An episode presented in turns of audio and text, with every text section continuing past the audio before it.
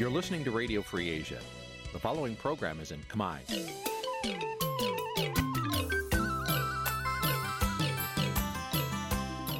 នេះជាកម្មវិធីផ្សាយ Vuthu Azizi Serai នេះជាកម្មវិធីផ្សាយរបស់ Vuthu Azizi Serai ជាភាសាខ្មែរ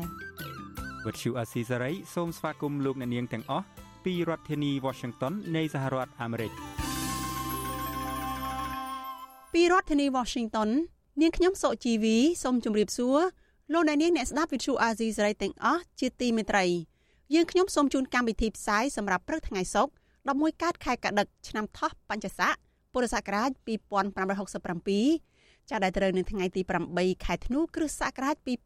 2023ជាដំបូងនេះសូមអញ្ជើញលោកអ្នកនាង ស្ដាប់ព័ត៌មានប្រចាំថ្ងៃដែលមានមេត្តាដូចតទៅ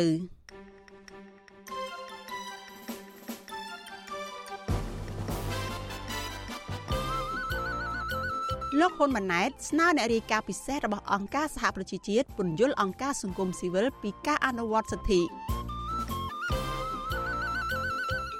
អាមេរិកកំពុងតាមដានករណីនាវាចម្បាំងរបស់ចិនចូលចតនៅកំពង់ផែរៀមបរដ្ឋខេត្តព្រះវិហារចោទក្រុមហ៊ុនមួយថាធ្វើអាជីវកម្មរ៉ែដែកបង្កផលប៉ះពាល់ដល់ស្រែចម្ការពួកគេ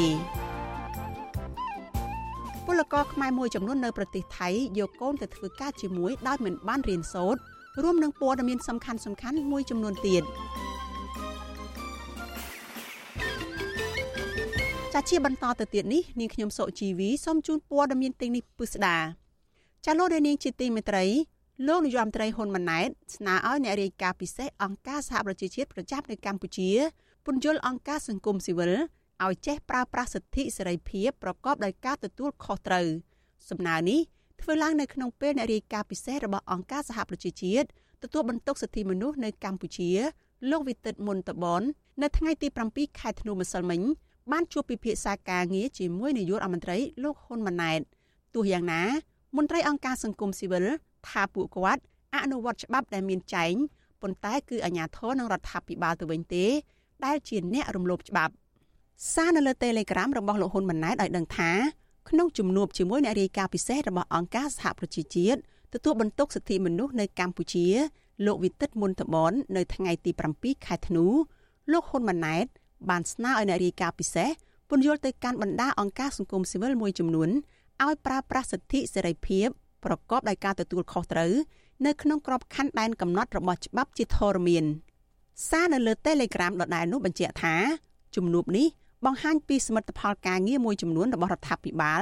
ដូចជាកម្មវិធីផ្ដល់វ៉ាក់សាំងបង្ការជំងឺ Covid-19 ដល់ប្រជាជនការទទួលស្វាគមន៍និងការបើកចំហរបស់រាជរដ្ឋាភិបាលក្នុងការពិភាក្សាជាមួយអ្នករាយការណ៍ពិសេសអង្គការសហប្រជាជាតិនិងការបង្កើតឲ្យមានច្បាប់ស្តីពីយុត្តិធម៌អនិច្ចជនជាដើមវិទ្យុអាស៊ីសេរីមិនអាចតកតងแนะនាំពាក្យរដ្ឋាភិបាលលោកប៉ែនបូណាដើម្បីសាកសួរអំពីបញ្ហានេះបាននៅឡើយទេនៅថ្ងៃទី7ខែធ្នូ ចំណែកអ្នកនាំពាក្យអ្នករាយការណ៍ពិសេសរបស់អង្គការសហប្រជាជាតិទទួលបន្ទុកសិទ្ធិមនុស្សនៅកម្ពុជាលោកវិទិតមុនតបនគឺលោក Robert Wuhan វិញលោកប្រាប់វិទ្យុអាស៊ីសេរីកាលពីថ្ងៃទី6ខែធ្នូតាមសារអេឡិចត្រូនិកឬអ៊ីមែលថាក្នុងដំណើរទស្សនកិច្ចរបស់អ្នករាយការណ៍ពិសេសលើកនេះអ្នករាយការណ៍ពិសេសមិនផ្ដល់បទសម្ភាសឬឆ្លើយតបនឹងសំណើតាក់ទងនឹងដំណើរទស្សនកិច្ចនេះទេ ប៉ុន្តែលោកថាលោកវិទិតមុនតបននឹងធ្វើដំណើរទស្សនកិច្ចផ្លូវការរបស់លោកមកកម្ពុជា នៅដើមឆ្នាំ2024ម្ដងទៀតហើយពេលនោះលោកនឹងធ្វើសន្និសីទសារព័ត៌មានព្រមទាំងចេញសេចក្តីថ្លែងការណ៍បញ្ចប់បេសកកម្មជុំវិញរឿងនេះអ្នកនាំពាក្យសមាគមការពារសិទ្ធិមនុស្សអាត6លោកសឹងសែនករណា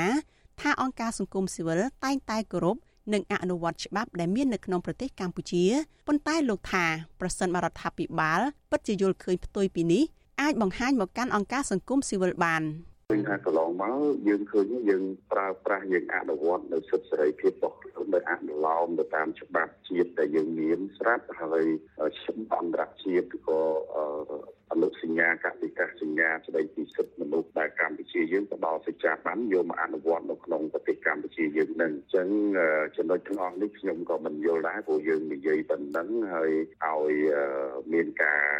បញ្ជាក់មក ស្រដៀងគ្នានេះដែរអ្នកសម្របសម្រួលគម្រោងនៃសមាគមបណ្ដាញយុវជនកម្ពុជាហៅកាត់ថា CYN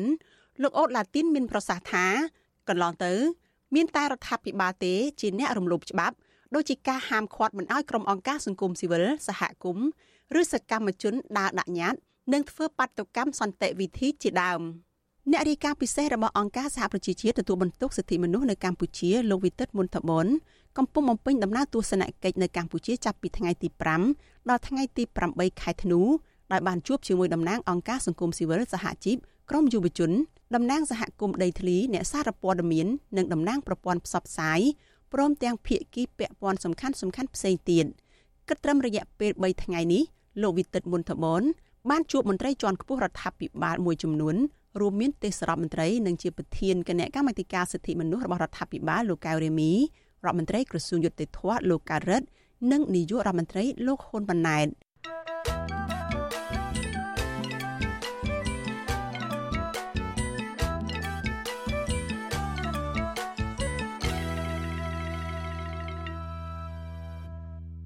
លោកនាងកញ្ញាជាទីមេត្រីចាព័ត៌មានជាបន្តទៅទៀតនេះចាតកតងនឹងមន្ទិលសង្ស័យនៅឯកំពង់ផែរៀម ចាសហរដ្ឋអាមេរិកកំពុងតាមដានករណីនាវាចម្បាំងចិនចូលចតនៅកំពង់ផែរៀមអ្នកជំនាញភូមិសាស្ត្រនយោបាយប្រមានថាការចូលចតរបស់នាវាចម្បាំងចិននៅកំពង់ផែរៀមអាចនាំឲ្យកម្ពុជាជួបទ្វេគ្រោះចំពោះសន្តិសុខកម្ពុជាខ្លួនឯងនិងសន្តិសុខប្រទេសក្នុងតំបន់លោកមានរិទ្ធមានសេចក្តីរាយការណ៍អំពីរឿងនេះជូនលោកអ្នកនាងដូចតទៅ ការបង្កើនការតាមដានរបស់អាមេរិក ទៅលើសកម្មភាពរបស់កងទ័ពរំដោះប្រជាជនចិន PLA នៅកំពង់ផែរៀមកើតមានឡើងក្រោយពី Visual Asia ស្រីបានរាយការណ៍កាលពីថ្ងៃទី5ខែធ្នូថាយ៉ាងហោចណាស់មាននាវាចម្បាំងរបស់ចិនធំតូចចំនួន2គ្រឿងកំពុងចូលចតនៅកំពង់ផែកងទ័ពជើងទឹករៀមចាប់តាំងពីថ្ងៃទី3ខែធ្នូមកម្ល៉េះអ្នកនាំពាក្យក្រសួងការបរទេសអាមេរិកបានប្រាប់សារព័ត៌មានអង់គ្លេស Reuters កាលពីថ្ងៃទី6ខែធ្នូថា សហរដ្ឋអាមេរិកកំពុងតាមដានព័ត៌មានពីនាវាចម្បាំងចិនដែលចូលចតនៅកំពង់ផែរៀមហើយព្រួយបារម្ភយ៉ាងខ្លាំងអំពីផែនការរបស់ប្រទេសចិនកុម្មុយនីក្នុងការគ្រប់គ្រងផ្ដាច់មុខទៅលើផ្នែកមួយចំនួននៅមូលដ្ឋានកងទ័ពជើងទឹករៀម អ្នកជំនាញភូមិសាស្ត្រនយោបាយលើកឡើងថាការសម្ញែងនាវាចម្បាំងរបស់ក្រុងប៉េកាំងជាលើកដំបូងនៅកម្ពុជា ស្របពេលគម្រោងមូលដ្ឋានកងទ័ពជើងទឹករៀមជិតបិទបញ្ចប់ គឺជាការបង្កើនឲ្យមានភាពតានតឹងផ្នែកភូមិសាស្ត្រនយោបាយកាន់តែខ្លាំងហើយប្រទេសនៅក្នុងតំបន់នឹងកាន់តែព្រួយបារម្ភផ្នែកសន្តិសុខដោយសារតែប្រទេសចិន កំពុងមានឥទ្ធិពលខ្លាំងនៅកម្ពុជា តាមរយៈកិច្ចសហប្រតិបត្តិការវិស័យការពារជាតិ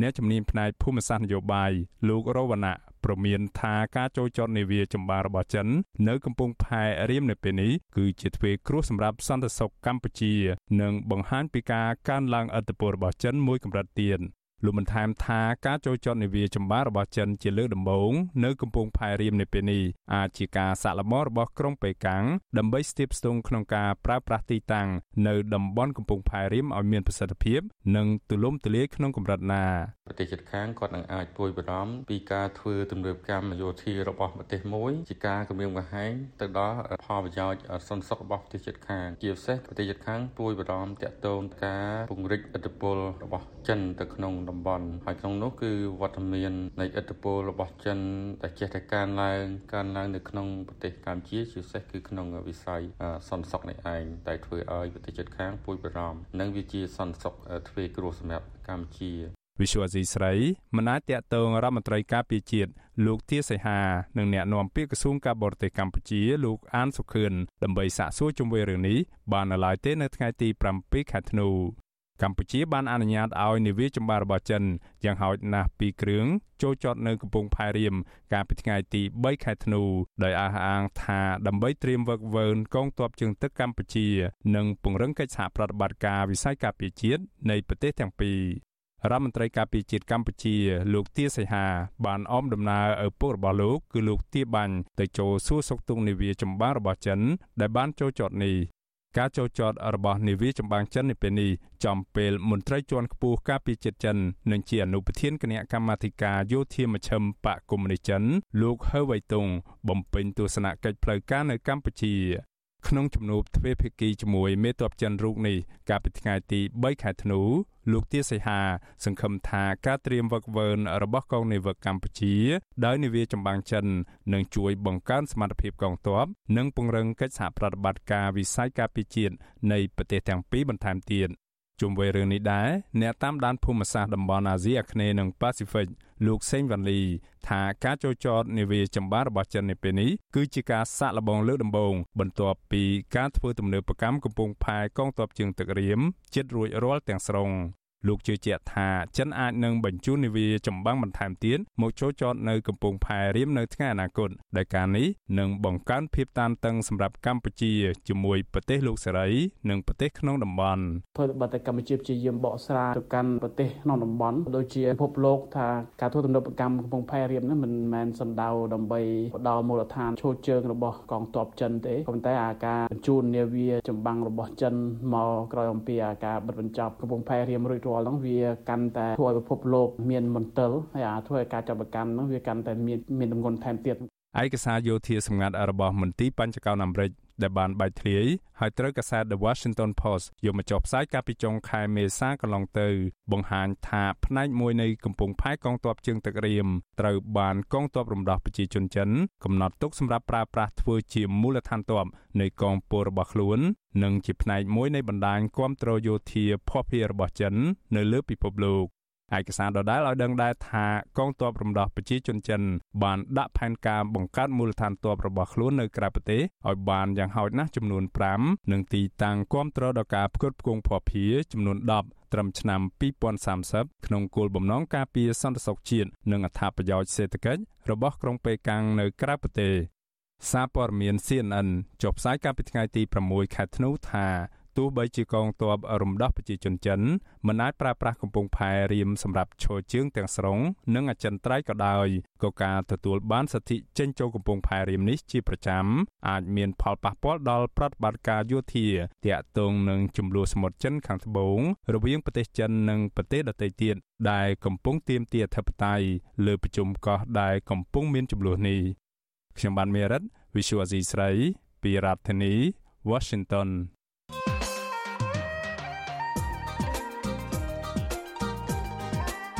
លោកអ្នកនាងកញ្ញាជាទីមេត្រីអ្នកជំនាញសេដ្ឋកិច្ចវាយតម្លៃថារដ្ឋាភិបាលលោកហ៊ុនម៉ាណែតនឹងមិនអាចស្ដារសេដ្ឋកិច្ចកម្ពុជាបានទេនៅក្នុងឆ្នាំ2024នេះមួយវិញទៀតសេដ្ឋវិទូលោកសុកហាជអះអាងបន្ថែមថាការដែលកម្ពុជាបើកឲ្យប្រើប្រាស់លុយយន់របស់ចិននៅកម្ពុជាក៏ពុំមានផលចំណេញដល់ប្រទេសជាតិឡើយផ្ទុយទៅវិញវានឹងធ្វើឲ្យកម្ពុជាក្លាយជាកូនអុកសេដ្ឋកិច្ចរបស់ចិនកាន់តែខ្លាំងថែមទៀត។ អ្នកជំនាញសេដ្ឋកិច្ចលោកបណ្ឌិតសុកហាជនិងជាបេក្ខជនសមាជិកប្រសិទ្ធភាពគណៈបកភ្លើងទៀននិងលោកបណ្ឌិតសេងសេរីជាវាគ្មិនកិត្តិយសនៅក្នុងនេតិវេទិកាអ្នកស្ដាប់វិទ្យុអាស៊ីសេរីនៅយប់ថ្ងៃសុក្រទី8ខែធ្នូជាវាគ្មិនកិត្តិយសនៅក្នុងនេតិវេទិកាអ្នកស្ដាប់វិទ្យុអាស៊ីសេរីនៅយប់ថ្ងៃសុក្រនេះនឹងបកស្រាយអំពីបញ្ហាទាំងនេះចាសសូមអញ្ជើញលោកអ្នកនាងរងចាំទស្សនាកម្មវិធីនេះកុំបីខានចាសកម្មវិធីនេះសម្របសម្រួលដោយលោកជុនច័ន្ទបុត្រ ប្រសិនបើលោកអ្នកនាងចង់បញ្ចេញមតិយោបល់ឬក៏សួរសំណួរសូមលោកអ្នកនាងដាក់លេខទូរស័ព្ទរបស់លោកអ្នកនាងនៅក្នុងប្រអប់ខ្ទង់ comment នៃការផ្សាយរបស់វិទ្យុ AZ សេរីនៅលើបណ្ដាញសង្គម Facebook YouTube និង Telegram ចាស់ក្រុមការងាររបស់យើងនឹងតាក់ទងទៅលោកអ្នកនាងវិញដើម្បីផ្ដល់ឱកាសឲ្យលោកអ្នកនាងបានដាក់សំណួរនិងបញ្ចេញមតិនៅក្នុងវេទិកានៃស្ដាប់វិទ្យុ AZ សេរីនៅយប់នេះចាសសូមអរគុណ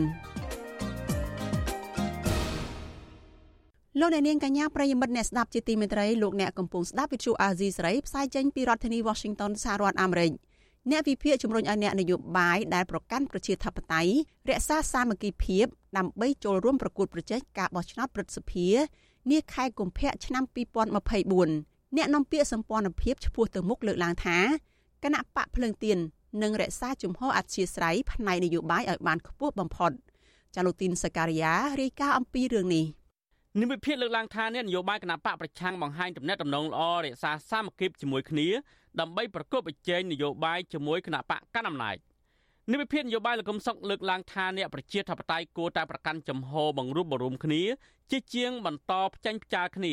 បង្ហាញអំពីការបែកបាក់សាមគ្គីក្នុងចំណោមអ្នកប្រជាធិបតេយ្យដូចគ្នាលោកបន្តថាបើទោះបីជាមានគណៈបកនយោបាយផ្សេងគ្នាក្តី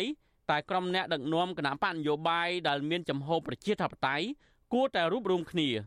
អំពីយុទ្ធសាស្ត្ររួមដើម្បីប្រកបប្រជែងជាមួយគណៈបកកណ្ដាលអំណាចនិងមិនត្រូវបន្តចោទប្រកាន់គ្នាទៅវិញទៅមកនោះទេហើយបើយើងនៅតែប្រទុះគ្នាឯងរឿងកំពេចកំពុកបន្តិចបន្តួចបញ្យលអធិស្ស្រ័យគ្នាគ្មានសង្ឃឹមទេមេរៀននិងបទពិសោធន៍ទាំងឡាយដែលយើងធ្លាប់ជួបកន្លងមកគួរតែ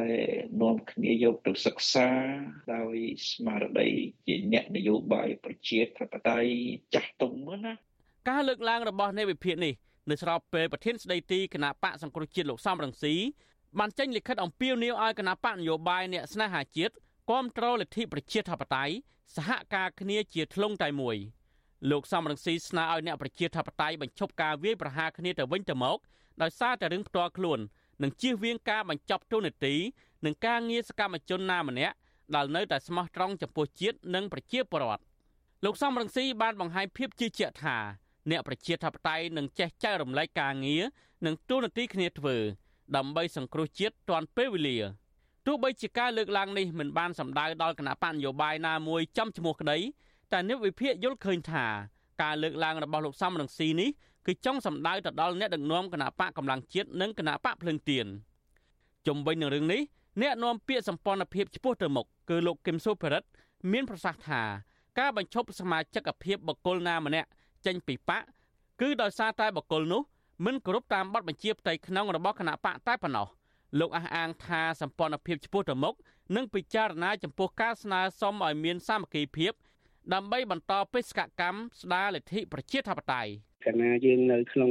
គណៈបកមួយហើយយើងទៅបម្រើឲ្យគណៈបកមួយទៀតគេមិនទុកជើងគេផ្លាស់ប្ដូរទូនីតិរបស់យើងហើយអានឹងជារឿងធម្មតាដែលយើងធ្វើការឲ្យក្រុមហ៊ុនមួយអញ្ចឹងកាលណាក្រុមហ៊ុននឹងយើងធ្វើការក្រុមហ៊ុននឹងយើងស៊ីប្រាក់ខែក្រុមហ៊ុននឹងហើយយើងទៅបម្រើប្រយោជន៍ក្រុមហ៊ុនផ្សេងគេប្រជុំជួលយើងហើយអានឹងអញ្ចឹងគ្រាន់ថាការដែលគាត់អំពាវនាវខ្ញុំយល់ថាល្អតាជាវាកុំឲ្យវាមានបង្ហាញថាអ្នកវិជាតៃនឹងមានការបែកបាក់ហើយយើងក៏ពិចារណាចំពោះពាក្យសម្ដីនុសាសន៍របស់គាត់ដែរណានិវិភាននយោបាយលើកឡើងថានយោបាយប្រជាធិបតេយ្យគួរតែធ្វើនយោបាយក្នុងទិសដៅរួមគ្នាដើម្បីយកជ័យជំនះទៅលើអ្នកដឹកនាំប្រទេសបែបផ្ដាច់ការនិងមិនគួរណាបន្តលៀបពណ៌គ្នាទៅវិញទៅមកនោះឡើយខ្ញុំបាទទីនសាការីយ៉ាអស៊ីសេរី ប្រធានាធិបតី Washington លោកអ្នកនាងកញ្ញាជាទីមេត្រីចាតតទៅនឹងការហែកក្បួនចាប់ផ្សព្វផ្សាយពីសិទ្ធិមនុស្សវិញម្ដងព្រះសង្ឃនិងក្រុមយុវជន ជាង30អង្គនឹងអ្នកកាលពីរសៀលថ្ងៃទី7ខែធ្នូបានបន្តក្បួនធម្មយាត្រា ដោយចាប់ផ្ដើមចេញដំណើរពីទីរួមខេត្តកំពង់ធំឆ្ពោះទៅកាន់រាជធានីភ្នំពេញក្នុងបំណងស្នើរដ្ឋាភិបាលធានាសេចក្តីថ្លៃថ្នូរសេរីភាព និងយុត្តិធម៌សម្រាប់ពលរដ្ឋគ្រប់រូបចាលោកជីវតារាយការណ៍អំពីរឿងនេះក្រោយពីអាជ្ញាធរខេត្តសៀមរាបបានផ្អាកមិនឲ្យហែក្បួនធម្មយាត្រាផ្សព្វផ្សាយពីសិទ្ធិមនុស្សកាលពីថ្ងៃទី6ធ្នូក្រមយុវជននិងប្រសង់នៅតែបន្តប្ររពយុទ្ធនាការនេះនៅថ្ងៃបន្ទាប់ដោយពួកគាត់ធ្វើដំណើរដោយថ្មើរជើង ចាប់ផ្ដើមពីចំណុចរង្វង់មូលអាចារ្យលក្ខខេត្តកំពង់ធំ ទៅកាន់រាជធានីភ្នំពេញយុវតីដែលចូលរួមធម្មយាត្រានេះគឺកញ្ញាជាមសួនប្រាប់វិទ្យុអាស៊ីសេរីថាបច្ចុប្បន្នសិទ្ធិសេរីភាពពលរដ្ឋនៅតែមានការរឹតបន្តឹងនិងរងការគៀបសង្កត់ដែលរដ្ឋាភិបាលមិនទាន់ដោះស្រាយនៅឡើយទេរីឯបញ្ហាអសន្តិសុខសង្គមនិងភាពអសកម្មរបស់រដ្ឋាភិបាលដែលមិនយកចិត្តទុកដាក់ដោះស្រាយក៏នៅតែជាដំបៅសង្គមរ៉ាំរ៉ៃដដែល។ គឺយើងដើរដល់គោលដៅហើយយើងត្រូវតែទាមទារសិទ្ធិសេរីភាពជូនប្រជាពលរដ្ឋយើងគ្រប់គ្នាឲ្យពួកគាត់មានការតាំងចិត្តហើយមានគោលចំហមួយថាយើងនឹងទាមទារសិទ្ធិនេះឲ្យបាន ដំណើរធម្មយាត្រានេះក្រមយុវជននិងប្រសង់បានសូត្រធម៌លើកបដាដែលមានសារថាសិទ្ធិសេរីភាពសច្ចធម៌និងយុត្តិធម៌ជាទិសដៅរួមនៃពុទ្ធសាសនា និងសិទ្ធិមនុស្សអន្តរជាតិដើម្បីសេចក្តីសុខរដ្ឋត្រូវធានាសេចក្តីថ្លៃថ្នូរ សេរីភាពនិងយុត្តិធម៌សម្រាប់ពលរដ្ឋគ្រប់រូបលើកកម្ពស់សិទ្ធិមនុស្សនិងបរិយាបន្នសង្គមដើម្បីអភិវឌ្ឍប្រកបដោយចីរភាពររេបតរតមត្តណោកបិតាពុទ្ធកម្មបានណោអបតិសេចំណតមបតមលោកបច្ចតោនិរតោប្រធានសមាគមសម្ព័ន្ធនិស្សិតបញ្ញវន្តខ្មែរលោកកើតសរាយមានប្រសាសន៍ថាយុទ្ធនាការនេះគឺជាសារមួយ បង្ហាញពីការធ្លាក់ចុះសិទ្ធិសេរីភាពពលរដ្ឋ ប្រព័ន្ធយុតិធធនិងការថយចុះសិលធម៌សង្គមដែលចាំបាច់ត្រូវដោះស្រាយដោយឈលលើស្តង់ដារច្បាប់ពុំមែនដោះស្រាយតាមអារម្មណ៍របស់អាជ្ញាធរនោះទេខ្ញុំនឹងលើកទឹកចិត្តថាសូមឲ្យមានការអនុវត្តឲ្យមានស្តង់ដាស្តង់ដាតាមបទដ្ឋានដែលបានចែងណាជាជាងដែលកុំប្រើអារម្មណ៍នៅក្នុងការធ្វើកិច្ចការងារតទៅទៀតពួកវាធ្វើឲ្យបាត់បង់សេចក្តីថ្លៃថ្នូរជាមន្ត្រីរាជការបាទ វិទ្យុអាស៊ីសេរីមិនទាន់អាចតាក់ទងแนะនាំពាក្យគណៈកម្មាធិការសិទ្ធិមនុស្សកម្ពុជា លោកស្រៀងចិន្តា ដើម្បីអធិប្បាយជុំវិញបញ្ហានេះបានទេ ដោយទូរស័ព្ទហៅចូល តែគ្មានអ្នកលើកជុំវិញរឿងនេះប្រធានផ្នែកកម្មវិធីស្រាវជ្រាវនឹងតស៊ូមតិនៃសមាគមបណ្ដាយុវជនកម្ពុជា លោកហេងកំហុងយល់ឃើញថាយុទ្ធនាការនេះផ្សារភ្ជាប់នឹងសកម្មភាពពលរដ្ឋសកម្មដែលចូលរួមផ្សព្វផ្សាយពីសិទ្ធិមនុស្សនិងចែករំលែកឲ្យពលរដ្ឋយល់ដឹងពីសិទ្ធិសេរីភាពរបស់ពួកគាត់ សកម្មភាពដើម្បីលើកកម្ពស់សិទ្ធិមនុស្សផ្សព្វផ្សាយមេត្តាធម៌អីជាដើមនឹងខ្ញុំយល់ថាគួរតែត្រូវបានលើកទឹកចិត្តបាទពីព្រោះសកម្មភាពនេះគឺជាសកម្មភាពដែលផ្សារភ្ជាប់ជាមួយនឹងភាពជាពលរដ្ឋសកម្មហើយជាទូទៅស្រុកណាក៏ដោយនៅពេលដែលគេមានពលរដ្ឋសកម្មពលរដ្ឋដែលគិតគូរអំពីប្រយោជន៍សង្គមច្រើនអញ្ចឹងគួរតែសប្បាយចិត្តបាទក្រមយុវជនបន្ថែមថាអាញាធរខេត្តកំពង់ធំបានសហការល្អនិងរស់រាយរាក់ទាក់ជួយសម្រួលចរាចរណ៍ ដើម្បីឲ្យដំណើរធម្មយាត្រានេះប្រព្រឹត្តទៅយ៉ាងរលូនដោយពួកគេមិនបានរារាំងដោយអាជ្ញាធរខេត្តសៀមរាបនោះទេរីឯពលរដ្ឋតាមដងផ្លូវបានយកភេសជ្ជៈនិងទឹកបរិសុទ្ធប្រគេនព្រះសង្ឃដែលធ្វើធម្មយាត្រានេះដែលជាការបង្ហាញទឹកចិត្តមនុស្សធម៌និងគាំទ្រសកម្មភាពលើកកម្ពស់សិទ្ធិមនុស្សសកលលោកកើតសរាយឲ្យដឹងថា នៅថ្ងៃទី7ធ្នូ ក្រមធម្មយាត្រានឹងសម្រាកនៅផ្ទះរបស់ពលរដ្ឋស្ថិតក្នុងស្រុកឧដុង្គខេត្តកំពង់ស្ពឺ ហើយនៅថ្ងៃទី8ធ្នូពួកគេនឹងបន្តធម្មយាត្រានេះទៅកាន់ចំណុចផ្សារស្គុនស្រុកជើងព្រៃនិងស្រុកបាធាយខេត្តកំពង់ចាម បន្ទាប់មកក្រមយុវជននិងប្រសង់នឹងបន្តដំណើរទៅជួបជុំគ្នានៅរាជធានីភ្នំពេញដើម្បីប្រពៃទិវាសិទ្ធិមនុស្សអន្តរជាតិទ្រង់ទ្រីធំនៅថ្ងៃទី10ធ្នូនៅទីលានប្រជាធិបតេយ្យ ខ្ញុំជីវិតាអាស៊ីសេរីលោកដានាងកញ្ញាប្រិយមិត្តជាទីមេត្រីប្រពន្ធរបស់សកម្មជនដែលបញ្ចេញមតិលើបណ្ដាញសង្គមហើយកំពុងជាប់ឃុំគឺលោកកងសរនលើកឡើងថាប៉ូលីសបាននាំខ្លួនគាត់ទៅសួរនាំនៅឯស្នងការដ្ឋាននគរបាលខេត្តបន្ទាយមានជ័យដោយមិនបានប្រាប់ជាមុនថានាំពួកគាត់ទៅចែកអំណោយនោះទេដែលជាហេតុធ្វើឲ្យពួកគាត់ភ័យព្រួយជាខ្លាំងនៅពេលនោះស្នងការរងនគរបាលខេត្តបន្ទាយមានជ័យបកស្រាយថា ប៉ូលីសចង់ផ្ដល់អំណោយដល់ពួកគាត់ដើម្បីឲ្យរំភើបឬជាភាសាអង់គ្លេសហៅថា surprise ទើបនាំខ្លួនដោយមិនបានប្រាប់ហេតុផលជាមុនចាអ្នកស្រីស្ងួនអមរារាយការណ៍ព័ត៌មាននេះប៉ូលីសខេត្តបន្ទាយមានជ័យបានបដូរសាច់រឿងពីការចាប់ខ្លួនពលរដ្ឋ4នាក់ដែលជាប្រពន្ធកូននិងសាច់ញាតិរបស់សកម្មជនបញ្ចេញមតិលើបណ្ដាញសង្គមដែលកំពុងជាប់ឃុំលោកកងសរននោះទៅជារឿងអញ្ជើញពួកគាត់ទៅយកអំណោយវិញ និងថែមទាំងថតវីដេអូលើបណ្ដាញសង្គមឲ្យពួកគាត់និយាយចោទអង្គការសិទ្ធិមនុស្សលីកាដូផ្សាយព័ត៌មានមិនពិតរឿងចាប់ខ្លួនទៀតផងទោះជាយ៉ាងណាប្រពន្ធលោកកងសរនគឺលោកស្រីហងត្រឹបប្រាប់វិទ្យុអាស៊ីសេរីនៅថ្ងៃទី7ធ្នូថាក្នុងពេលប៉ូលីសចូលទៅនាំខ្លួនពួកគាត់ចេញពីការិយាល័យអង្គការលីកាដូហើយដឹកទៅស្នងការដ្ឋាននគរបាលខេត្តបន្ទាយមានជ័យនោះពួកគាត់ទាំង4នាក់ភ័យព្រួយពីសវត្ថិភាពជាខ្លាំង ព្រោះប៉ូលីសមិនបានប្រាប់ជាមុនថានាំពួកគាត់ទៅយកអំណោយនោះទេលោកស្រីបន្តថាលោកស្រីមិនត្រូវការអំណោយនោះទេប៉ុន្តែត្រូវការសេរីភាពរបស់ប្តី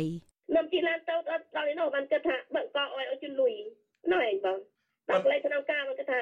មិនភ័យទេខ្ញុំអត់ធ្វើអីទេចេះខ្ញុំសុភាពចេះឯងសួរចេះឯងសឹកទុកពីរឿងកងស្រន់ទេ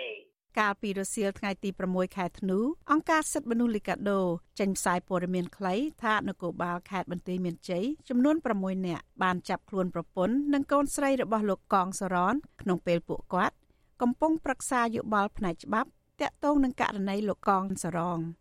បុគ្គលិកអង្គការលីកាដូបានស្នើសុំការបង្ហាញឯកសារពាក់ព័ន្ធប៉ុន្តែមន្ត្រីនគរបាលទាំងនោះមិនបានបង្ហាញនោះទេ ហើយនិយាយថាពួកគេធ្វើតាមប័ណ្ណបញ្ជា មន្ត្រីនគរបាលទាំងនោះក៏បានបញ្ជាឲ្យបុគ្គលិកអង្គការលីកាដូលុបចោលរូបភាពដែលថតមន្ត្រីនគរបាលទាំងនោះចូលក្នុងបរិវេណការិយាល័យដោយមិនមានបង្ហាញដីកាក្រោយមកប៉ូលីសបានអនុញ្ញាតឲ្យអ្នកទាំង4នាក់នោះត្រឡប់ទៅផ្ទះវិញនៅប្រលប់ថ្ងៃដដែលលុះព្រឹកឡើង នៅថ្ងៃទី7ខែធ្នូប្រពន្ធកូននិងសាច់ញាតិរបស់លោកកងសរន ត្រូវបានគេថតសម្ភាសជាវីដេអូផ្សាយលើគណនី Facebook មួយដែលទៅបង្កើតថ្មីដោយដាក់ឈ្មោះថាចៅលោកយាយសួងខិនក្នុងវីដេអូនោះពួកគាត់និយាយហាក់ដូចជាមានសម្ពាធថាប៉ូលីសមិនបានចាប់ខ្លួនពួកគាត់ទេ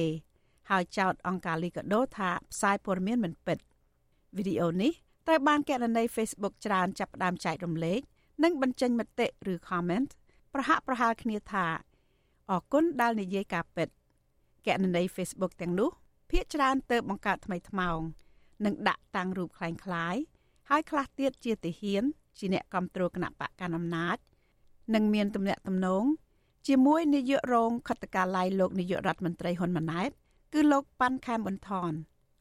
កាលពីថ្ងៃទី2ធ្នូ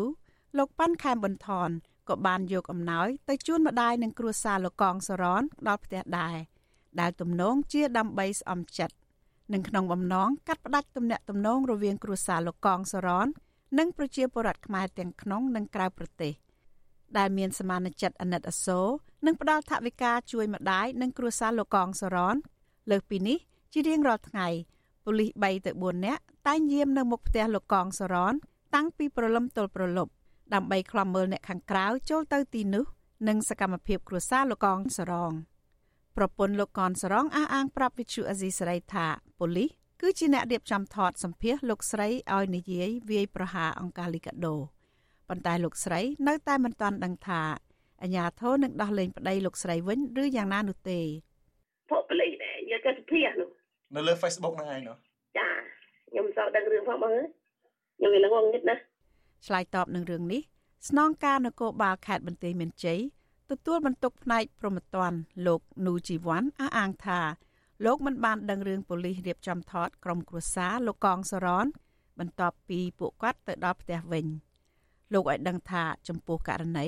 ដែលមន្ត្រីនគរបាលរបស់លោកនាំពួកគាត់ទៅស្នងការដ្ឋាន កាលពីថ្ងៃទី6ធ្នូគឺគ្រាន់តែចែកអំណោយប៉ុណ្ណោះមិនមែនជាករណីចាប់ខ្លួនឡើយក្មេងៗអត់ដឹងទេក្មេងៗគាត់ ថាគាត់ប្រាប់ថាឲ្យទៅទិញជើងគាត់មកក្នុងការថាមកដើម្បីចង់យើងចង់សប្រាយគាត់ក៏កុំឲ្យគាត់យកនៅម្លាយឲ្យយកនៅនេះបដៅទៅឲ្យក្មេងៗវាអត់តែវាមិនដឹងឬមួយយ៉ាងម៉េចទេបានទៅអញ្ជើញអត់ប្រាប់គាត់ចឹងណាបងតែដល់មកដល់បាទមកដល់មកចេញមកហើយបានប្រាប់ថាអ៊ំទៅយកអំណោយចឹងពួកគាត់ក៏សប្បាយចិត្តចឹងទៅអត់មានអីទេបងដូចគឺអត់មានអីបងហើយយើងចែកអំណោយចែកឲ្យក៏ពួកគាត់ត្រឡប់ទៅវិញទៅយើងដឹកតដឹកអីជូនគាត់ទៅបង ចំពោះករណីដែលកម្លាំងយាមមុខផ្ទះរបស់លោកកងសរងនោះស្នងការនគរបាលខេត្តបន្ទាយមានជ័យរូបនេះអះអាងថា ជាការធ្វើតាមសំណូមពររបស់គ្រួសារលោកកងសរន ដើម្បីការពារសវត្ថិភាពប៉ុន្តែប្រពន្ធលោកកងសរនបដិសេធអះអាងថាមិនដែលស្នើសុំឲ្យប៉ូលីសទៅយាមការពារសវត្ថិភាពពួកគាត់នៅមុខផ្ទះនោះទេអាជ្ញាធរកម្ពុជា ដែលមានទំនោរទៅរកគណៈបកកណ្ដាលអំណាចដែលមានប្រវត្តិយូរលង់មកហើយ តាក់ទងនឹងការប្រើវិធីមិនស្របច្បាប់គ្រប់បែបយ៉ាង ដើម្បីដាក់សម្ពាធជនជាប់ឃុំជាសកម្មជននយោបាយសកម្មជនសង្គមដីធ្លីបរិស្ថាន សិទ្ធិមនុស្សនិងសហជីពព្រមទាំងក្រុមគ្រួសាររបស់ពួកគាត់ ដើម្បីឲ្យទទួលស្គាល់កំហុសចោះចាញ់និងចោះចូល ជាមួយគណៈបកកណ្ដាលអំណាចហើយបែរមកវាយប្រហារលើមេដឹកនាំនិងកន្លែងការងាររបស់ខ្លួន ហើយក៏មានករណីកាក់ឡើងជាញឹកញាប់ដែរ ដែលមន្ត្រីថ្នាក់ក្រោមធ្វើរបាយការណ៍ភូតកុហកថ្នាក់លើ ឬប្រជាពលរដ្ឋអ្នកសម្របសម្រួលលីកាដូខេត្តបន្ទាយមានជ័យលោកផុនឈិនថ្លែងថាលោកមិនដឹងថាតើគ្រួសារលោកកងសរនរងសម្ពាធបែបណានោះទេទៅបនិយាយចោតប្រកាន់អង្គការលីកាដូទោះជាយ៉ាងណា លោកនៅតែយល់ថាទង្វើរបស់សមត្ថកិច្ចគឺជាការចាប់ខ្លួនមិនមែនជាការអញ្ជើញពួកគាត់ទៅទទួលយកអំណោយដោយស្រួលបួលឡើយជា រឿងចម្លែកមួយដែរខ្ញុំមិនដែលឃើញកន្លងមកអាជ្ញាធរឬក៏អ្នកដែលចិត្តបន់ណែណាដែលគេបាទចង់ធ្វើទៀនធ្វើអំណោយឲ្យទៅដល់នរណាម្នាក់ហើយចាំបាច់មកនាំបែបប្រផាប់ពេញទៅចឹងទេបាទនេះគឺជារឿងចម្លែកមួយដែលខ្ញុំមិនដែលបានឃើញកន្លងមកទេបាទលោកកងសរនត្រូវបានអាជ្ញាធរចោមរោមចាប់ឃុំខ្លួនក្នុងពន្ធនាគារចាប់ពីថ្ងៃទី25ខែវិច្ឆិកាឆ្នាំ2023ហើយត្រូវបានតុលាការផ្តន្ទាទោស ដាក់ពន្ធនាគារចំនួន3ឆ្នាំតាក់ទងនឹងទស្សនៈនយោបាយរបស់លោកដែលលោកបានបង្ហោះក្នុងគណនី Facebook របស់លោកអំឡុងពេលយុទ្ធនាការបោះឆ្នោតខែកក្កដាឆ្នាំ2023នៅក្នុងវីដេអូផ្សាយផ្ទាល់នោះ លោកបានចោទជាសំណួរថាតើក្រោយពីគណៈបកប្រជាជនឈ្នះឆ្នោតនឹងមានវិធានការដេញពលរដ្ឋវៀតណាមចេញឬបន្តឲ្យហូរចូលដោយខុសច្បាប់បន្តទៀតក្រោយការចាប់ឃុំខ្លួនលោកកងសរនបណ្ដាលឲ្យមានការរិះគន់ប្រងព្រាតពីអ្នកប្រើប្រាស់បណ្ដាញសង្គមនិងមន្ត្រីសិទ្ធិមនុស្សថាទង្វើរបស់អាជ្ញាធររដ្ឋាភិបាលគឺជាការរំលោភសិទ្ធិមនុស្សនិងអមនុស្សធម៌នាងខ្ញុំស្ងួនអមរា With you Azizi Saray ពីរដ្ឋធានី Washington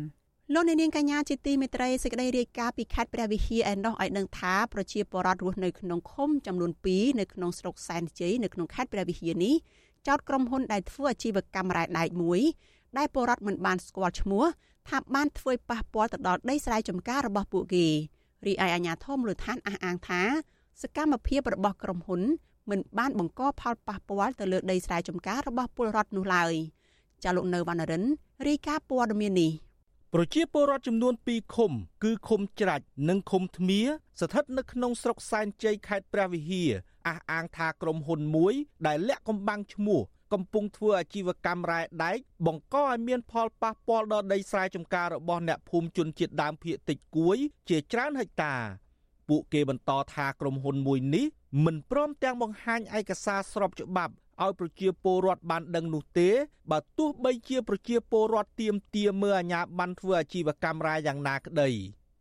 បណ្ដាញសហគមន៍ព្រៃឡង់ខេត្តព្រះវិហារដែលរស់នៅក្នុងឃុំថ្មៀលោកស្រីថៃប្រាប់វិទ្យុអាស៊ីសេរីនៅថ្ងៃទី6ខែធ្នូថាប្រជាពលរដ្ឋរាប់រយគ្រួសារកំពុងរអ៊ូរទាំអំពីក្រុមហ៊ុនរ៉ែដែកនេះបានធ្វើឲ្យប៉ះពាល់ដីស្រែចម្ការ ដំណាំស្វាយចន្ទី និងស្វាយជាដើម។ លោកបន្តថាប្រជាពលរដ្ឋនៅក្នុងតំបន់មិនហ៊ានថតរូបនិងផ្សព្វផ្សាយដំណឹងនេះចេញទៅក្រៅនោះទេដោយសារតែអាជ្ញាធរមូលដ្ឋានធ្លាប់គម្រាមកំហែងចាប់ដាក់គុកប្រសិនបើពលរដ្ឋរូបណាហ៊ានថតរូបក្រុមហ៊ុនមួយនេះថែមទៀតផងលោកព្រួយបារម្ភថាប្រជាពលរដ្ឋនៅក្នុងតំបន់របស់លោកនឹងរងផលប៉ះពាល់កាន់តែខ្លាំងជាងនេះទៀតនៅពេលដែលក្រុមហ៊ុននេះសម្រុកធ្វើសកម្មភាពអាជីវកម្មរ៉ែពេញលេញនោះហើយទឹកអូរធម្មជាតិនៅក្បែរនោះ ក៏នឹងមិនអាចប្រើប្រាស់បានទៀតនោះទេព្រោះពួកគេបង្ហូរទឹកកខ្វក់ចូលយើងចង់ឲ្យរដ្ឋាភិបាលបញ្ឈប់មិនមានឲ្យបង្កើតទៀតទេចង់ឲ្យបញ្ឈប់បណ្ដោយអាលុបអាញាបាននឹងចូលដល់ក្រុមហ៊ុននេះចេញបើមិនចោះសោទេប្រជាពលរដ្ឋយើងរងគ្រោះបំផុតហើយទី1បាត់បង់ដំណាំដាំដុះគាត់ដាំបានទី2បើថ្នាក្រុមហ៊ុននៅកន្លែងនោះអាចបង្ហូរកាកសំណល់ពីការចំណាយរែនោះធ្វើឲ្យប៉ះពាល់អសុខភាពជាពលរដ្ឋឬក៏សត្វសត្វដែលរនៅទីនោះដែរលោកស្រីថៃបន្ថែមថាកម្មកររោងចក្រក្រុមហ៊ុននេះ អះអាងថាទំហំផ្ទៃដីដែលធ្វើអាជីវកម្មរ៉ែដែកមានចំនួន20000ហិកតាក្រៅពីប៉ះពាល់ដីរបស់ប្រជាពលរដ្ឋហើយនោះក៏នឹងធ្វើឲ្យប៉ះពាល់ដល់ដែនជម្រកសត្វព្រៃឡង់ថែមទៀតផងជុំវិញរឿងនេះមេឃុំធ្មៀលោកយ៉ែមគឹមច្រានចោលការចោលប្រកាន់នេះដោយសំអាងថាក្រុមហ៊ុននេះមិនបានបង្កផលប៉ះពាល់ដល់ដីស្រែចម្ការរបស់ប្រជាពលរដ្ឋឡើយហើយពេលបច្ចុប្បន្នប្រជាពលរដ្ឋនៅឃុំធ្មៀមិនទាន់ប៉ះពាល់នោះទេ អឺវាហើយទីកំពុងធ្វើថ្ងៃនៅស្រុកឆេបទេអត់មែនស្រុកចេះសេទេប៉ុន្តែប្រជាពលរដ្ឋនៅគ្នាក៏ទៅអាស្រ័យផលនៅដីស្រុកឆេបហ្នឹងដោយសារគេមិនធ្វើនៅស្រុកឆេបនៅឡើយមិនប៉ះពាល់ប្រជាពលរដ្ឋខ្ញុំទេបើទោះបីជាអាជ្ញាធរនិយាយការពីក្រុមហ៊ុនមួយនេះក្តីក៏ប្រជាពលរដ្ឋទាំងពីរឃុំស្នើឲ្យរដ្ឋាភិបាលដឹកនាំដោយលោកហ៊ុនម៉ាណែតបញ្ឈប់គម្រោងធ្វើអាជីវកម្មរ៉ែដែកនេះនិងដកហូតអាជ្ញាប័ណ្ណពីក្រុមហ៊ុនមួយនេះមកវិញ ពីព្រោះក្រុមហ៊ុនមួយនេះមិនបានធ្វើការសិក្សា ពីផលប៉ះពាល់និងមិនមានសំណងដល់ប្រជាពលរដ្ឋនោះទេវិទ្យុអាស៊ីសេរីមិនអាចតាក់ទងប្រធានអង្គភិបអ្នកណែនាំពាក្យរដ្ឋាភិបាល លោកប៉ែនបូណា និងអ្នកនាំពាក្យក្រសួងរាយនឹងធម្មពល លោកអឹងឌីប៉ូឡាដើម្បីសុំការឆ្លើយតបជុំវិញបញ្ហានេះបាននៅឡើយទេនៅថ្ងៃទី6ខែធ្នូដោយទូរស័ព្ទហៅចូល តែគ្មានអ្នកទទួល ចំណែកអភិបាលខេត្តព្រះវិហារលោកកឹមរិទ្ធីនិងប្រធានមន្ទីររាយនឹងធម្មពលខេត្តព្រះវិហារលោកសុនច័ន្ទរក្សាក៏វិទ្យុអាស៊ីសេរីមិនអាចតាក់ទងបានដែរនៅថ្ងៃដដែលនេះតាក់ទិននឹងបញ្ហានេះមន្ត្រីសម្របសម្រួលគម្រោងនៃសមាគមបណ្ដាញយុវជនកម្ពុជា លោកអូតឡាទីនយល់ឃើញថាកន្លងទៅមានក្រុមហ៊ុនធ្វើអាជីវកម្មរ៉ែមួយចំនួនធំ មិនបានសិក្សាវាយតម្លៃអំពីផលប៉ះពាល់និងគ្រប់គ្រងសារធាតុគីមីឲ្យបានត្រឹមត្រូវនោះទេ ហើយនាំឲ្យមានគ្រោះថ្នាក់ដល់អាយុជីវិតរបស់កម្មករនិងប៉ះពាល់ជីវៈចម្រុះព្រមទាំងប្រជាពលរដ្ឋរស់នៅតំបន់ជុំវិញនោះថែមទៀតផង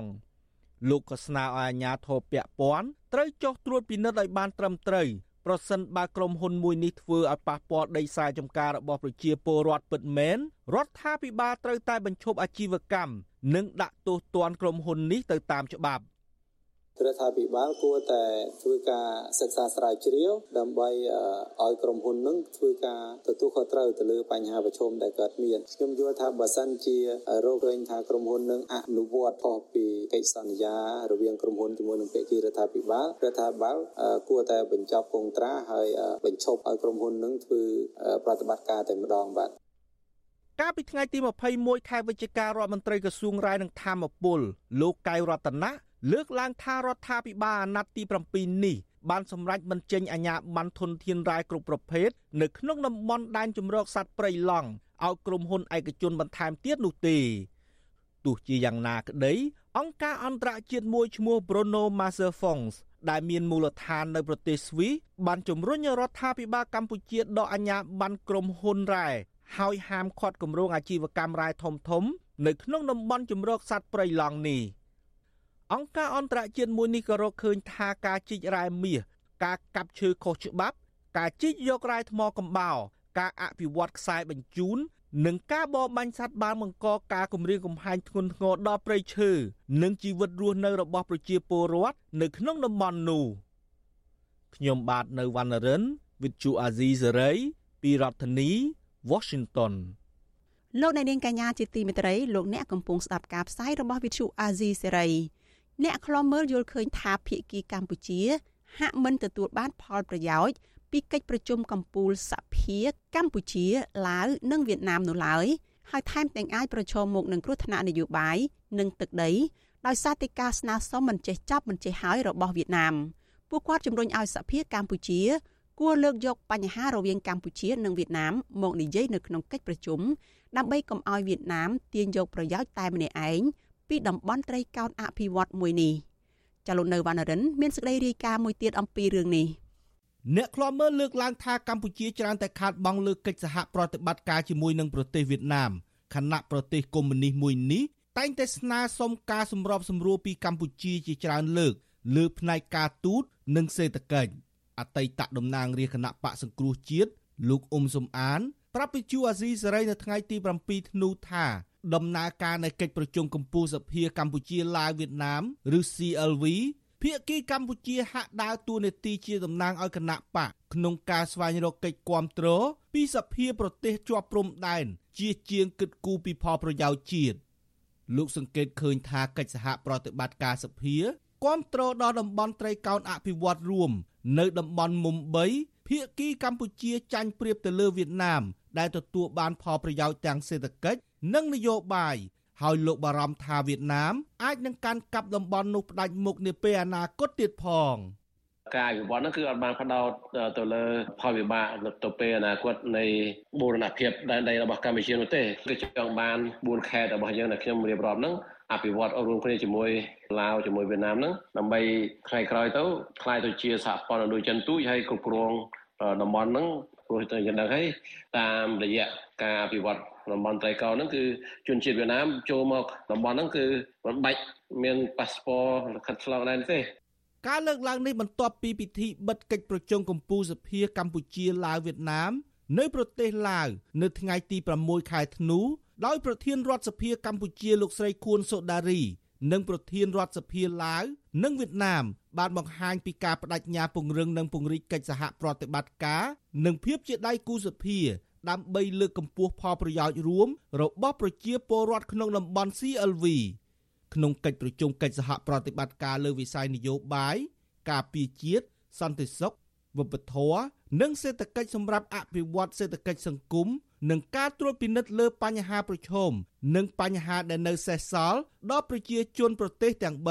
3បើទោះជាកិច្ចប្រជុំនេះមានប្រទេស3ចូលរួម តែភាគីវៀតណាម ហាក់មានភាពលេចធ្លោជាងគេ ដោយមានការស្នើសុំមិនចេះចប់មិនចេះហើយតាមទម្លាប់របស់ខ្លួន ជាពិសេសគឺការស្នើសុំឲ្យកម្ពុជា មើលថែប្រជាពលរដ្ឋនិងសមាគមវៀតណាម ដែលរស់នៅលើទឹកដីកម្ពុជាវិទ្យុអាស៊ីសេរី មិនអាចតាក់ទងណែនាំពាក្យរដ្ឋសភាជាតិលោកលេងពេញឡុងនិងមន្ត្រីស្ថានទូតវៀតណាមប្រចាំនៅកម្ពុជាតាមរយៈការហៅទូរស័ព្ទនិងការផ្ញើសារអេឡិចត្រូនិកឬអ៊ីមែលដើម្បីសុំការបកស្រាយជុំវិញបញ្ហានេះបាននៅឡើយទេ នៅថ្ងៃទី7ខែធ្នូតែកតិននឹងរឿងនេះ សកម្មជនកិច្ចព្រមព្រៀងសន្តិភាពទីក្រុងប៉ារីលោកស្រុនស្រូនយល់ថាការឆ្លៀតឱកាសនេះភាគីកម្ពុជា គួរតែស្នើទៅភាគីវៀតណាមឲ្យពង្រឹងច្បាប់អន្តោប្រវេសន៍ការពារធនធានធម្មជាតិនិងអធិបតេយ្យភាពជាមួយប្រទេសជាសមាជិកលោកមើលឃើញថាវៀតណាម តែងតែស្នើឲ្យកម្ពុជាមើលថែពលរដ្ឋគេក៏ប៉ុន្តែកម្ពុជាវិញមិនដែលស្នើឲ្យវៀតណាមបើកលំហសេរីភាព និងគោរពសិទ្ធិខ្មែរក្រោមដែលជាម្ចាស់ស្រុកនោះឡើយដែលកត្តានេះធ្វើឲ្យភាគីវៀតណាមតែងតែមានប្រៀបជាងកម្ពុជាមករហូត។ អ្វីដែលខ្ញុំយល់ថាគឺជារឿងដែលមិនល្អនោះគឺរាល់តែទំនាក់ទំនងរវាងខ្មែរនិងវៀតណាមគឺជាការបង្កើតទំនាក់ទំនងពង្រឹងកុម្មុយនីសឥណ្ឌូចិនរបស់វៀតណាមមិនមែនជាការពង្រឹងកិច្ចសហប្រតិបត្តិការជាធំទេបើសិនជារដ្ឋាភិបាលខ្មែរចង់បង្ហាញថាភាពស្មើភាពគ្នាចំពោះមុខច្បាប់កម្ពុជារាល់ទំនាក់ទំនងជាមួយវៀតណាមដាច់ខាតត្រូវប្រើកិច្ចព្រមព្រៀងសន្តិភាពទីក្រុងប៉ារីសនិងច្បាប់អន្តរជាតិដែលចាក់ចិនរឿងប៉ះត្រល់គឺយើងប្រើបាត់សមុទ្ររបស់អង្គការសហប្រជាជាតិ UN ឆ្នាំ1982ជាដើមនោះទើបខ្មែរមានឱកាសស្មើភាពគ្នាចំពោះមុខច្បាប់ជាមួយនឹងប្រទេសវៀតណាម តំបន់អភិវឌ្ឍត្រីកោណត្រូវបង្កើតឡើងនៅក្នុងឆ្នាំ1999ដែលភ្ជាប់ព្រំដែនរវាងប្រទេសទាំង3សរុបមានចំនួន13ខេត្តក្នុងនោះកម្ពុជាមាន4ខេត្តគឺខេត្តរតនគិរីមណ្ឌលគិរីក្រចេះនិងស្ទឹងត្រែងចាប់តាំងពីអនុវត្តគំនិតផ្ដួចផ្ដើមបង្កើតតំបន់ត្រីកោណអភិវឌ្ឍ CLV រហូតមកដល់បច្ចុប្បន្ននេះប្រទេសទាំង3បានចុះហត្ថលេខាលើកិច្ចព្រមព្រៀងសហប្រតិបត្តិការជាច្រើនតាក់ទងទៅនឹងវិស័យសេដ្ឋកិច្ចការវិនិយោគពាណិជ្ជកម្មគយគមនាគមន៍ដឹកជញ្ជូនវប្បធម៌ការអប់រំបណ្ដុះបណ្ដាលនិងជួយសម្រួលដល់ការដោះដូរទំនិញឆ្លងកាត់ព្រំដែនជាដើម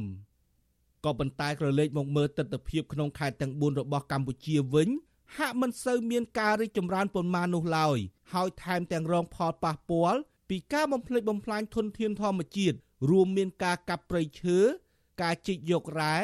កាយភ្នំ ផលប៉ះពាល់ពីទំនប់វារីអគ្គិសនី និងលំហូរជនជាតិវៀតណាមចូលមកកម្ពុជាតាមច្រកទាំងនោះទស្សនវិជ្ជាទាំងនេះអ្នកខ្លាំមើលយល់ថាកម្ពុជាគឺជាអ្នកខាតបង់ឯវៀតណាមវិញ គឺជាអ្នកកើបយកផលចំណេញទៅវិញ ខ្ញុំបាទនៅវណ្ណរិន With Chu Azizi Saray ពីរដ្ឋធានី Washington លោកអ្នកនាងកញ្ញាជាទីមេត្រីសេចក្តីរាយការណ៍ពីប្រទេសថៃឯណោះវិញឲ្យដឹងថាពលករខ្មែរមួយចំនួនធ្វើការនៅប្រទេសថៃនាំកូនកូនរបស់ពួកគេទៅរស់នៅជាមួយដោយមិនបានចូលរៀននៅសាលាទាំងវ័យក្មេងពួកគេព្រួយបារម្ភពីអនាគតកូនខ្លាចមានវាសនាដោយឪពុកម្ដាយដែលឃ្លាតឆ្ងាយពីស្រុកកំណើតទៅធ្វើការនៅស្រុកគេតើមានហេតុផលអ្វីខ្លះ បានជាពលករទាំងនោះចាំបាច់យកកូនទៅធ្វើការជាមួយដោយមិនបានរៀនសូត្របែបនេះលោកសេចបណ្ឌិតរាយការណ៍អំពីជីវិតរបស់ពលករខ្មែររស់នៅប្រទេសថៃនេះដូចតទៅ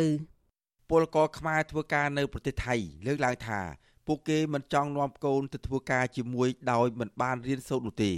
ក៏ប៉ុន្តែដោយសារតែជីវភាពខ្វះខាត និងគ្មានការងារធ្វើនៅក្នុងស្រុកទើបសម្រេចចិត្តនាំកូនចាក់ចោលផ្ទះសម្បែងទៅរស់នៅស្រុកគេបែបនេះ ពលករវ័យ45ឆ្នាំ មានស្រុកកំណើតនៅខេត្តបន្ទាយមានជ័យលោកមុចមុលប្រាប់បទសុអសីសីថាដំបូងឡើយលោកមកធ្វើការជាកម្មករសំណង់ជាមួយនឹងប្រពន្ធដើម្បីរកប្រាក់សងបំណុលធនាគារនិងសន្សំប្រាក់ដើម្បីធ្វើដើមទុនដាំដុះនិងប្រកបមុខរបរនៅស្រុកកំណើត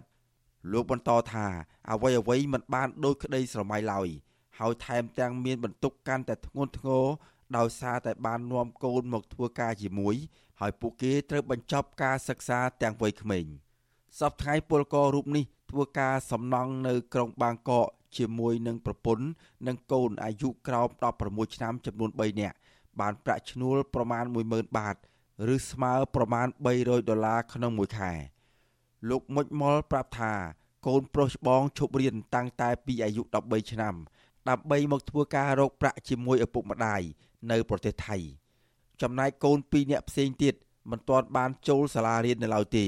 បើទោះបីជាពួកគេ មានអាយុ8ឆ្នាំ និងអាយុ3ឆ្នាំហើយក៏ដោយលោកព្រួយបារម្ភពីអនាគតកូន ខ្លាចដោយពាក្យចាស់លោកពូលថា ស្លឹកឈើជ្រុះមិនឆ្ងាយពីគល់ដែលពួកគេអាចនឹងមានវាសនាដោយឪពុកម្ដាយដែលធ្វើការកម្មករនៅស្រុកគេឃ្លាតឆ្ងាយពីផ្ទះសម្បែងដោយសារតែគ្មានចំណេះដឹង អាណិតកូនប៉ុន្តែយើងធ្វើមិនបើជីវភាពយើងចឹងហើយហើយកូនថាឈប់រៀនឈប់សូត្រចឹងទៅយើងក៏មិនដឹងថាធ្វើមិនជាមួយកូនហ្នឹងមានតែតាមវាសនាកូនហ្នឹងឯងមានតែបង្រៀនចំណេះវិជ្ជាធ្វើការរកស៊ីហ្នឹងឯងដើម្បីឲ្យចាំជីវភាពគ្រួសារទៅមុខទៀតហ្នឹងឯង ខ្ញុំគិតថាចង់ទៅស្រុកប៉ុន្តែណាមួយជីវភាពវាខ្វះខាតណាមួយការងារវាអត់ដដល់ចឹងហើយមានលុយទៅណាមួយទៅហ៊ុយចុះទៅក៏ថ្លៃអាញាធោគៀបសកត់តាមច្រកក៏គាត់គៀបសកត់ឡានក៏ថ្លៃចឹងទៅអត់មានតែមានសមត្ថភាពចុះទៅស្រដៀងគ្នានេះដែរពលករនីជាស្ត្រីមេម៉ាយវ័យ38ឆ្នាំម្នាក់មានស្រុកកំណើតនៅខេត្តបាត់ដំបងលោកស្រីរ៉េនបញ្ញារៀបរាប់ថា លោកស្រីធ្វើការងារផ្នែកកាត់ដេរនៅខេត្តជាប់នឹងទីក្រុងបាងកកអស់រយៈពេលប្រមាណ10ឆ្នាំមកហើយដោយបានប្រាក់ឈ្នួលចំនួន9000បាតឬស្មើប្រមាណ280ដុល្លារក្នុងមួយខែសប្តាហ៍ពលករនីរូបនេះរស់នៅជាមួយនឹងកូន2នាក់ហើយកូនប្រុសអាយុ13ឆ្នាំ និងកូនស្រីអាយុ11ឆ្នាំ ហើយពួកគេមិនបានចូលសាលារៀនភាសាជាតិនៅកម្ពុជានោះទេ ដោយសារតែជីវភាពក្រីក្រ និងគ្មានអ្នកមើលថែលោកស្រីបន្ថែមថា ពួកគេរស់នៅប្រទេសថៃខុសច្បាប់តាំងពីអាយុ2ឆ្នាំ ហើយរៀនភាសាថៃតាមវត្តអារាម ដោយមិនចេះអក្សរខ្មែរឡើយលោកស្រីព្រួយបារម្ភពីអនាគតកូន ដោយខ្លាចពួកគេមិនចេះអក្សរជាតិដែលមិនអាចរកការងារល្អបានធ្វើនិងមានជីវភាពក្រលំបាកដោយលោកស្រីដែរខ្ញុំមានការព្រួយបារម្ភហើយ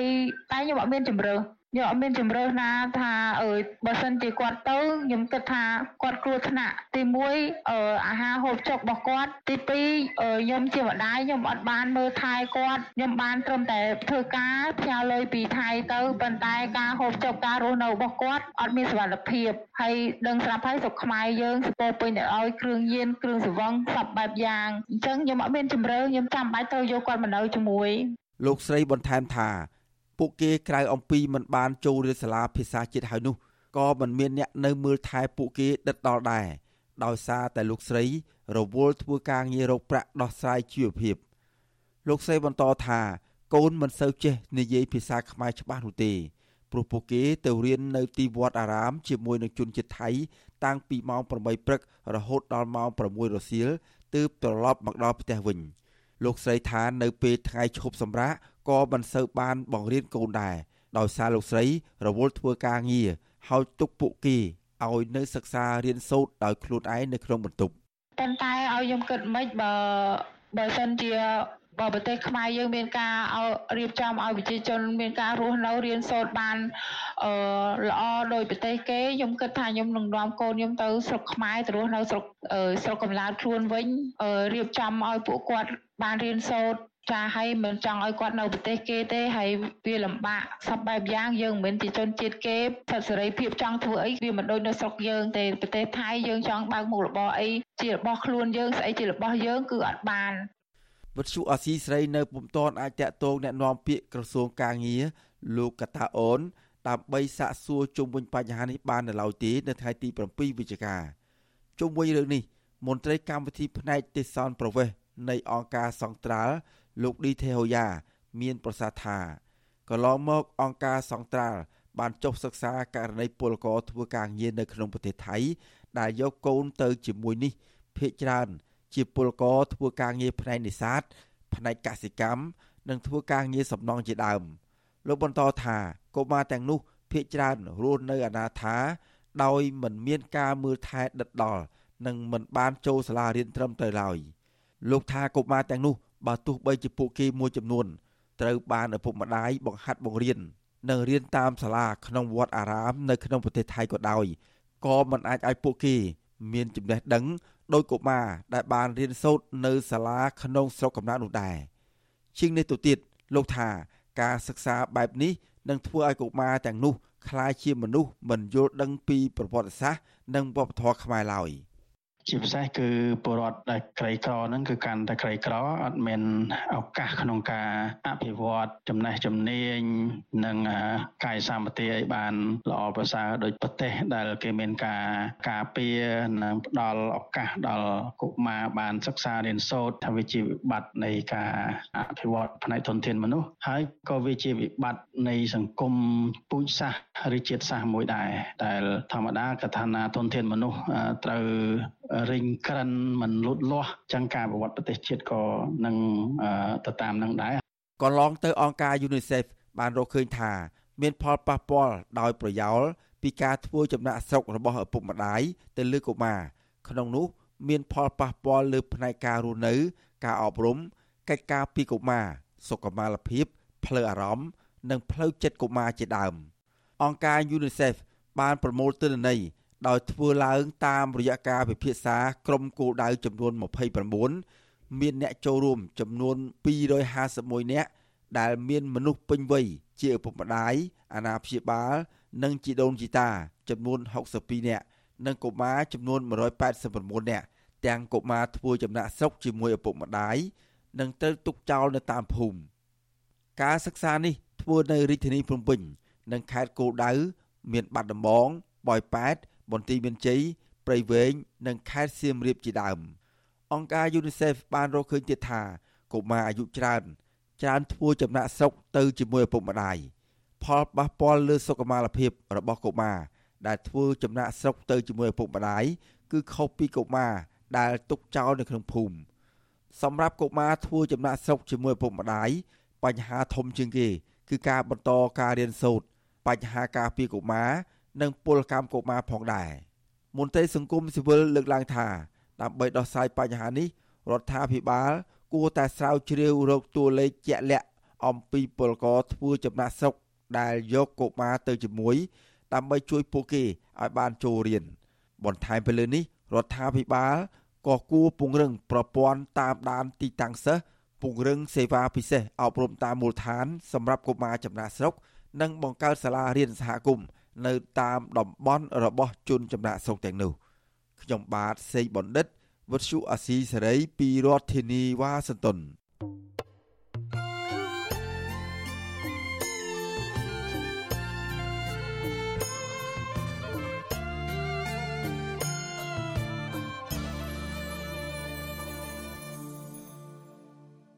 លោកអ្នកនាងកំពុងស្ដាប់វិទ្យុអាស៊ីសេរីផ្សាយចេញពីរដ្ឋធានី Washington សហរដ្ឋអាមេរិក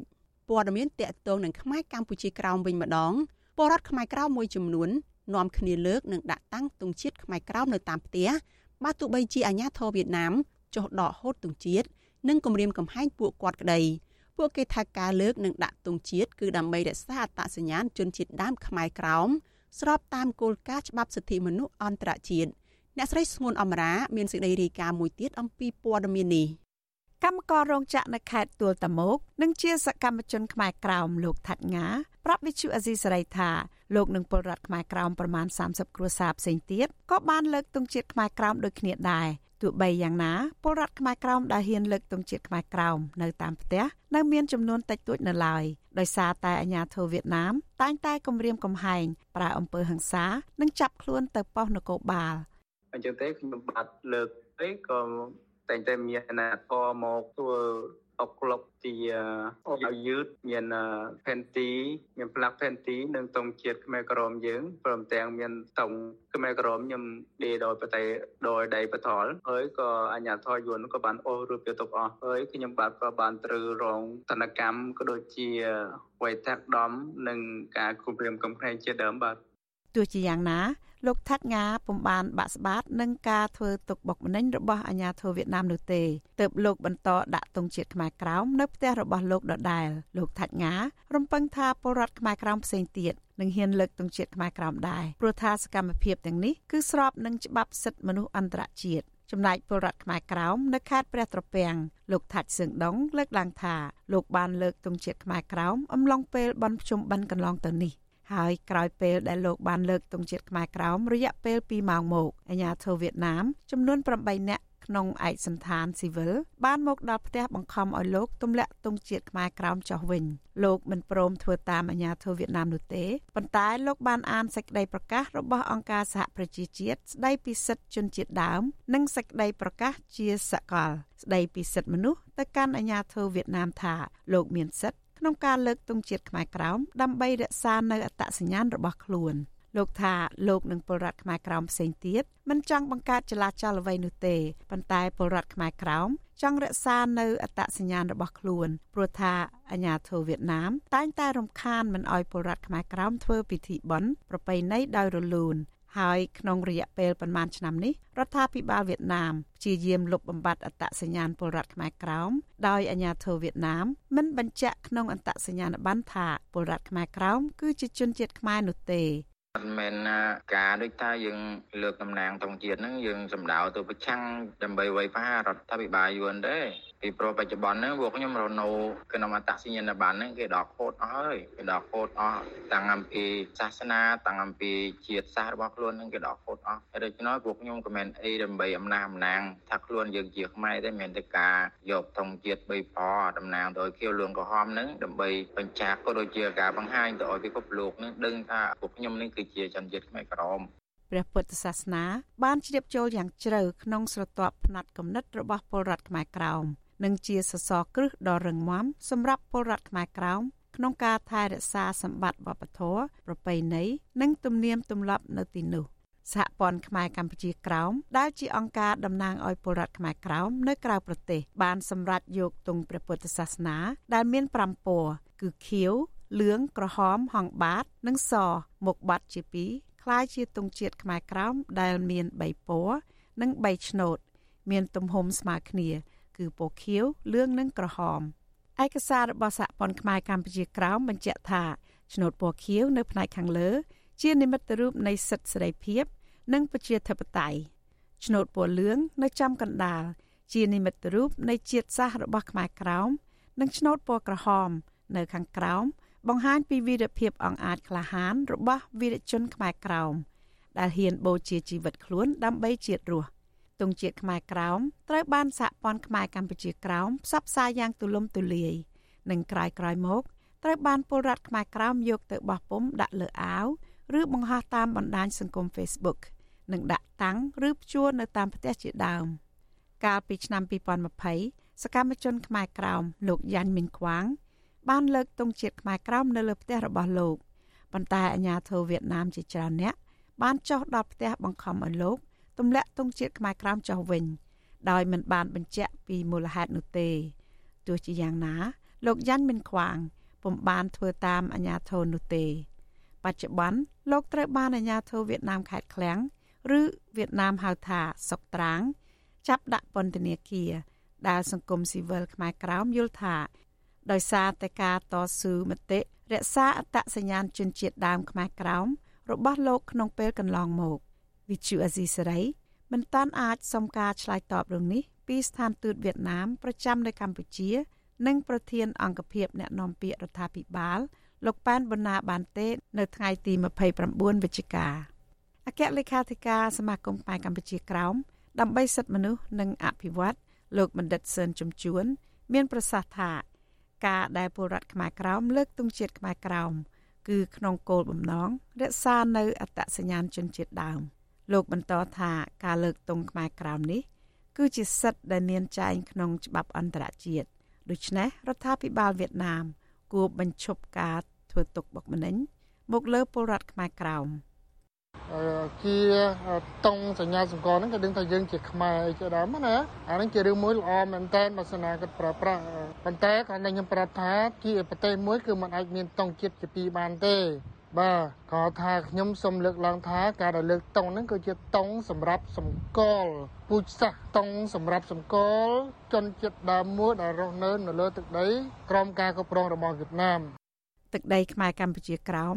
ត្រូវបានបារាំងកាត់ឲ្យវៀតណាមត្រួតត្រាទាំងខុសច្បាប់ ជាបន្តកាលពី74ឆ្នាំមុនសហព័ន្ធខ្មែរកម្ពុជាក្រោមអះអាងថាបច្ចុប្បន្នខ្មែរក្រោមមិនតិចជាង7លាននាក់នោះទេ ដែលកំពុងរស់នៅលើទឹកដីកំណើតអង្គការសហគមន៍ខ្មែរក្រោមលើកឡើងថាព្រះសង្ឃនិងពលរដ្ឋខ្មែរក្រោមដែលឈឺឆ្អាលពីបញ្ហាសង្គមតែងត្រូវបានអាជ្ញាធរវៀតណាមធ្វើទុកបុកម្នេញតាមរយៈការខ្លំមើលក្នុងជីវភាពរស់នៅប្រចាំថ្ងៃ ការសម្លុតបំភ័យគំរាមកំហែងនិងចាប់ខ្លួនដាក់ពន្ធនាគារជាដើម រហូតពេលខ្លះពួកគេត្រូវបង្ខំចិត្តរត់ចោលស្រុកកំណើតឡើងមករស់នៅប្រទេសកម្ពុជា ឬសំសិទ្ធជ្រកកោននៅប្រទេសទី3ក៏មាន នាងខ្ញុំស្ងួនអមរា Vithu Azisari ពីរដ្ឋធានី Washington thank you